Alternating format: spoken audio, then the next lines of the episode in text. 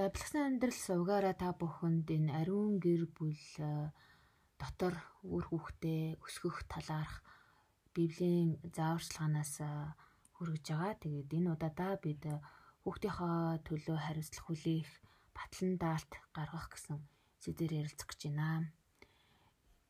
Тэгэхээр энэ Эхлэл номын 43 дугаар бүлэгт энэ Юда өөрийнхөө аав Израильд хандаад одоо баг дүү Биньяминийг харь нутаг руу авч явж Египт нутгийн захирагчид харуулчаад буцаагаад авчирья. Хэрэг би авчирч чадахгүй бол одоо яасан ч яах вэ? Манай үед өөр хүүхдийн амь нас ч гэсэн таны гарт байгээ. Харин би Биньяминийг яаж хийж байгаа тавчирна би өөрөө хариуцъя би батлан даа гэж хэлээд авч явсан. За Израиль яагаад Биньяминийг явуулах дургүй байсан бэ гэвэл Израилийг ганц одоо хайртай бүсгүүтэйгээ шууд гэрлэж чадахгүй хадам авда хууртагтаад том өгчтэй суух болоод тэгээ тэрнээс болоод маш ойлгомжгүй тийм гэр бүлийн харилцаа бий болцсон байгаа. Тэгээ том хичээн баг хүчээр шахам хуурж байгаа технэр болгоод төгчгсөн. Тэгээ Израиль бол тэр их нэртэй бол дурггүй хайргүй яг өөрийнх нь хайртай эмэгтэй болохоор тэр Рахел гэдэг эмэгтэй байсан. За тэр эмэгтэйг л хайрлсан. Тэгтэл нөгөө том ихч Рахел хоёрын хооронд нь бурхан бас ийм нэг нь хайрлагдаад нөгөөт нь хайрлахгүй байгааг анзаараад том ихчт нь үр хүүхэд заяагаад Рахелийн умайг хаасан баг. За тэрнээсээ болоод Рахел ихчтэйгээ барьцалдах, гомдох хүнд хэцүү тийм тэмцлийн харилцаа өрнсөн. Тэр тэмцлээсээ болоод Рахел за би яг өөрөө хүүхэд төрүүлж чадахгүй бол энэ шивгчнээ нөхөртөө өгчий. Тэгэхэд шивгчнээсээ төрсэн хүүхдийг би өргөж аваад өсгөчий гэсэн тийм шийдвэрийг гаргасан. Тэгтэл том ихч нь бас барьцалдаж өөрийнхөө шивгчнийг өгөөд нэгсэндээ Израиль дөрвөн их нэртэй юм шиг болцсон байна.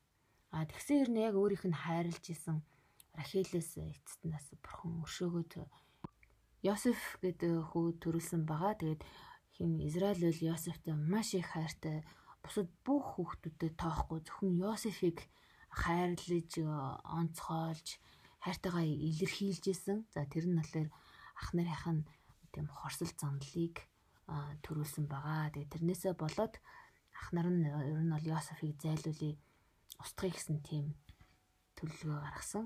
Харин эцсийн мөчөд арайч алчхаагүй боол олгоод зарсан. Тэгээ тэр нь харин нутагт боолоор явсан харин аавыгаа хуураад Зэрлэг амтнд тасцуулчихсан гэж э, хэлэхэд юу гэж бодож байсан гэхээр хэстэг одоо гашуудж хагаад эргээ зүгээр олчих байхаа гэсэн чинь Йосефийн араас гашуудсан Израилийн зүрстгэл хизээж тайтгараагүй.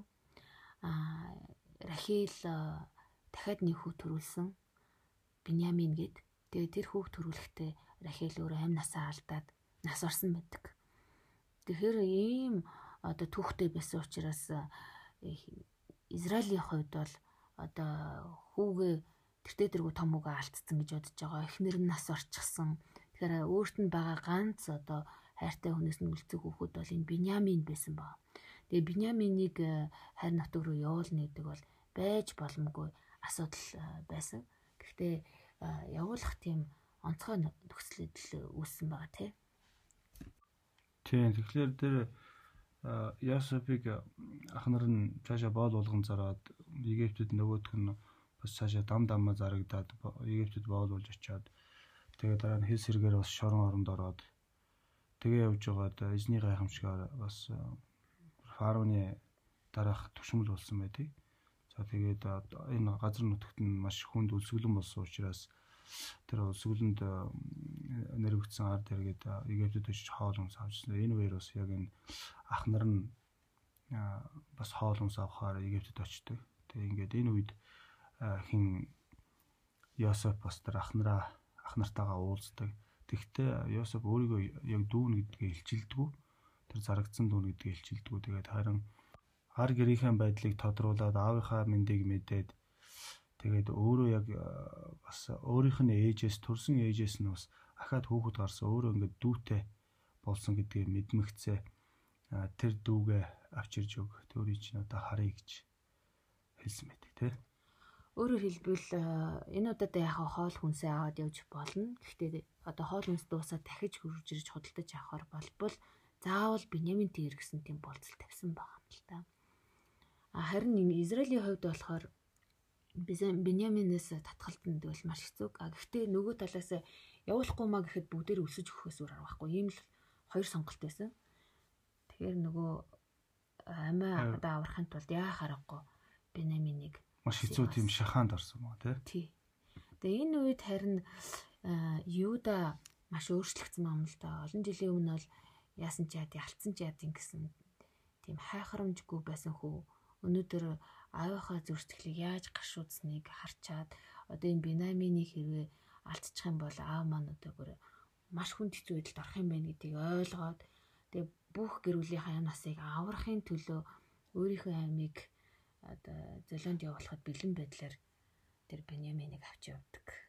Өөрийнхөө амийг золионд өгөө зогсохгүй бүр ар гэр үр хөвгтөө хүртэл бараг золионд өгж байгаа тийм. Тэгээд бас тэр чин баг Йосеф чи Египт рүү хөдөлтөгдөд 10 хэдэн жил 16 7 жил бараг болдгоо. Аа. Тэгэхээр чин тэр олон жилийн туршид аавынх нь гаслан шаналан э, хажуунд нь ойрхон харж э, өөрөө тэрийг хараад зовсон байна л да тий. Харин юу яасан баа гимшсэн баг.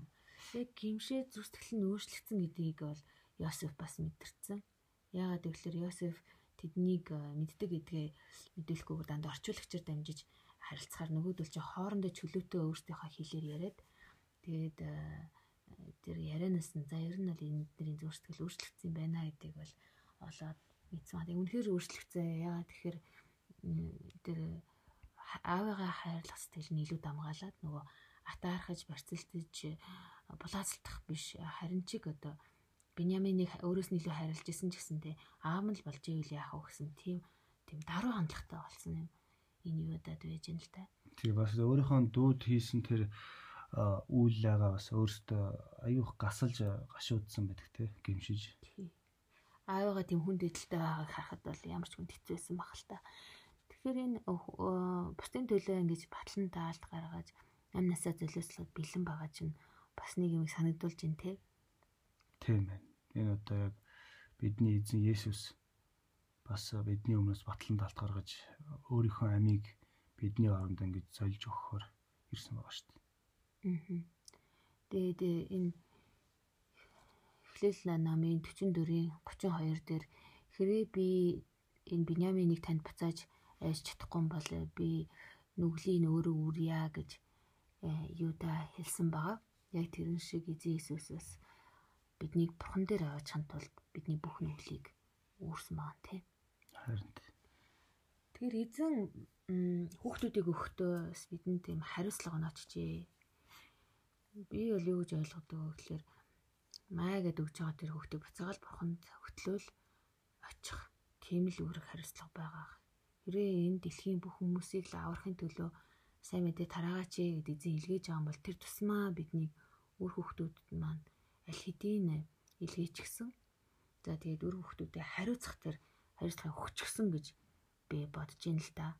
Тэгэхээр энэ хариуцлагаа ер нь бид хэр зэрэг сайн хэрэгжүүлж байгаа бол Тэгэхээр энийг э, эцэг хүн болгон бодох хэрэгтэй л байна л да. Би ч гэсэн одоо өөрөө бодож байна. Би яг өөрийнхөө энэ гурван хүүхдийг хэр хариуцлагатайгаар яг бурхныг таниулах, бурхан руу хөтлөх, амьтаа болгох тэр одоо яг тэр сүнслэг хоол хүнсийг нь өгч дагуулж яваа гэдэг аягүй сан бодох хэрэгтэй болж байна. Аа. Яг заримдаа нөгөө ийм дэлхийн амьдралдаа өөртөө ингээд тав тухай бодохоор жоон залхуу болчтой за яхаа аврагдах байлгүй дээ болох байлгүй дээ тэгсээр нэг нөгөө хичээлийн тавтуулаад айтайхан цалинтай гайгүй ажилд оруулах юм дээр хөөцөлдөг өгөөд өгдөг. Яг нөгөө бурхантай харилцах харилцааг нь болохоор одоо хүчилж болохгүй одоо яах юм гэсэн тийм одоо шалтак тоочоод гэх юм уу нөгөө хүүхэдтэй бас э, зааж сургах э, хариуцлага жоохон умартаад байна уу юу? Тийм байдаг хөө. Бас одоо нэг ийм тохиолдол уусан шүү дээ. Ингээл өөр харь хэлгийн хүмүүст одоо сайн мэдээ өгөн, сайн мэдээ өгөн гэл маш их ингээл сүм жуулгандаа итгэдэг хүмүүс ингээд итгэдэг ээж аваад үйлчлээд гүүгээл зүтгээд идэг. Тэгсэр нэ өөрсдийнхөө хүүхдүүдийг ингээд хайчихсан. Өөрсдийнхөө хүүхдүүд юм байх гэхээр ингээд бүр ядарсан, залхацсан, эсвэл за за битгий одоо ийм за дараа болъё ч гэдэг юм ингээд яатсан. Тэр утгаараа ийм жишээ сонсч байсан. Нэг мишнэр ингээд Африкт олон жил үйлчлээ тэгээд өөрийнхөө үр хөвгтүүдийг нэг их айхтар хайхархаа үс болоод хайхрахгүй байснаас болоод ингээд үр хөвгтүүд нь яг хаа аврагдах нь аврагдсан ч гэлээ гэсэн эзэн дотор ингээд тийм гоё эрүүл тийм эцэг эхтэйгээ харилцаатай байж чадахгүй эцэг эхтэйгээ гомдсон бидний багаад хайхарч өсгөөгүй хайсан гэсэн тийм гомдолтой байгаа тийм мишнэрийн тухай сонсч байсан. Энэ удаа болсон явдал л да. Яг заримдаа нөгөө үйлчлэлийн төлөө бид нэр гэр орноо золиослох хэвээр өөр хүүхдэд хайрлах нь одоо бараг бурхны хайрлаж байгаа хайртаас ингээ өрсөлдөж гин гэсэн тийм шүүмжлэл гарах тохиолдол бий л дээ. Тэгэхээр тэрэн дээр яг би маш болгоомжтой хандах хэрэгтэй юм шиг санагдт юм аа. Хэрэг хажууд байгаа ах トゥ угаа хайрлж чадахгүй жиж одоо би бурхан тайртай гэж хэлэх нь одоо хэр зэрэг зүв бай. А нөгөө талаас өөр хүүхэд минь өөр хүүхэд минь гэж ерөөсө бүх үйлчлээс дэшээ тавиад байвал бас мэдэгдэн штэ. Тэгэхээр аяндаа нөгөө ойр хавийнхаа хүмүүс өөр хүүхдээ чин сэтгэлээсээ хайрладаг, эзэн бурхан руу удирддаг. А бас эзний дээр сайн мэдээний үйлчлэлийг сүмжүүлэнийхээ үйлчлэлийг орхигдуулахгүй байгаа хүмүүс бол мэдэгдээд байгаа штэ тий яг тэнцэртэй зөв амьдрч гин үү эсвэл үгүй юу гэдэг нь харагдаж байгаа. Нөгөө талаас миний хувьд болохоор бүр бага наснаас нь тэр байтугай бүр хөвлөд байхад нь тий өр хөвгтдээ энэсний тухай ярьж өгөх, библ унших, сүмсэн нассан гэж сонсож ойлгож баясаасаа гэсэн тийм зүр сэтгэлээр ханддаг байсан. Тэгээ багаас нь би ер нь юм ойлгох болсон үеэс нь л эзний сайн мэдээг би чөлөөтэй хуваалцсан би юу гэж ойлгодог вэ гэхээр одоо хэтэрхий бага юм чинь яах юм бэ энэ талаар яриад хэрэггүй гэсэн тийм бодлыг бол одоо бяцхан хүмүүсүүдийг эзэн Иесус дээр нь саад болохоос тэр минь чөлөө толгоондоо хүзүүндөө өглөөд тэнгис өөрийгөө хайсан. Тийм нэг тийм үгтэй барыг дүүцгүй зайгүй том ноцтой асуудлаа. Бид нэр ингээд сайн мэдээ өгөхгүй хойшлуулсаж агаад нөгөө хөлт маань наан хэрвээ өнгөрүүл яах вэ гэдэг асуудал бас байгаа. Тэгэхээр бид одоо итгэгч гэр бүлээс төрсэн юм чинь баталгаатай одоо Тэнгэрийн ус точноо гэсэн тийм зүйлийг бол эзний үгээс хэлж чадахгүй байгаа юм л да. Хэдийгээр ингээд яг итгэгч ээж аваас төрсэн өөр хүүхдүүд ариун гэж тооцогддог ч гэсэн те а бас яг энэ шийдвэр гаргах чадваргүй байгаа үед нь эсвэл одоо энэ сэгцийн оюуны одоо өөрчлөлттэй байгаа бол мөхийн ус руу явах нь бол тодорхой байна. Яагаад тэгэхээр тэр Давидын хөөдний 7 өдөр болол өнгөрцөн тийм ээ. Тэгээд э, би араас ночноо гэж Давид хэлж байгаа нь бол хүмүүс тайлбарлалтаа бурхан дээр очичихсан. Давид араас нь очих гэж байгаа гэж тайлбарлалт юм билээ. А яг шийдвэр гаргах чадртай болчихсон байгаа тохиолдолд бол эзэн тэр хүүхдээс хариуцлага нэхнэ. Аа тэгээд тэр үед нь бид нэр ингээд хойшлуулаад сайн мэдээ ярих нь хойшлуулаад яваад авал нөгөө термин чулуу хүзүндөө уяхаар хэмжээний том алтай гаргаж иж магадгүй. Тэгээ би энэ ишлийг бас нэг солонгос захта нэг юм сэтгүүл үзчихсэн. Тэгээ тэрнийг л термин чулуу гэд нэрлэлсэн. Тэгээ би өө ямар сонир нэртэй. Уг нь залуучуудад өсвөр насныхан болон хүүхдүүдэд хандсан тийм сургалтын агуулгатай тэмцтүүлсэн боловч термин гэж нэрлсэн багтаар би жоохон гайхаад асуусан чи харин термин чулуу зүүгээд тэнгис рүү өсөрч өсөрсөн баг илүү дээрээ хөрөлбөл ийм багчуулыг бол бүдрэж болохгүй гэсэн тийм утга агуулгатай байсан учраас би ер нь энэ асуудалтай айгу ноцтой юм байна. Маш сайн ачаа богдлох хөстэй юм байна гэж би ойлгосон юм аа. Тэгээд өрөвхтэй бол ер нь дөрөв наснаас нь л өдөр болгон сайн мэдээ сонсох юм боломжоор бол бүрдүүлж ажилласан. Тэр энэ үр хөвгтүүдэд ингэж яг зөвгийн замаар дагуулж хөтлөх энэ хариуцлага аа бидэнд хүн болгонд байгаа. Тэгээд энд нөгөө Библиэлд хуужин гэрэн дээр бас нэг юу байдаг те эзэн жишээ аваад тэдний гэр бүлийнхнийг авчираад ингээд сархад өг. Тэгээд эцэг өвгдийнхээ үгийг ингээд өөр сахидаг гэдэг. Аа тий. Рехабын гэр гээд тэр рехаб гээд маш гайхамшигтай хүн байсан байгаа штэ. Тэр хүн яасан гэхэлэр өөрийнхөө гэр бүлийн болон удам огсааныхаа хүүхдүүдтэй та нар хизээж сархад бити уугаараа гэж тангаргалуулсан байдаг. Тэгээ бүр хичнээн үеэр арх уухгүй эцэг өвгд маань тэгж хэлсэн гэдэг бүр сагцсан байдаг тий. Тий 200 жилийн дараа иш үзүүлэгч тэднийг дуудаад бүр эзний өргөнд авчичаарэ. Маа нэг уу гэд арх өгөхөд уухгүй гэж татгалцсан. Тэгээ тэр хүмүүс бас нөө хотод амьдрахгүй майханд амьдрна. Майханд амьдрна тий. Шидэлтэй. Тэгээд яг нэг дайснууд ирээд нүүдэлж хот руу ороод ирчихсэн яг тэр үе таарсан гэдэг тийм ээ. Майханд амьдрдаг дар суухгүй гэдэг эцэг өвгдийнхэн сургаалыг тэгээд байгаа. Тэгэхээр бид үр хүүхдүүдэд тийм ингээд хідэн үеэрээч байсан гэсэн ингээд ийм эзний ам авралыг ингээд өвлүүлээд тэр сүнслэг өрөөлүүдийг үр хүүхдүүд маань ингээд цаашаа өвлөөд явах тийм зүрхтэй хүүхдүүдийг л бид бэлдэх хэрэгтэй байна л да.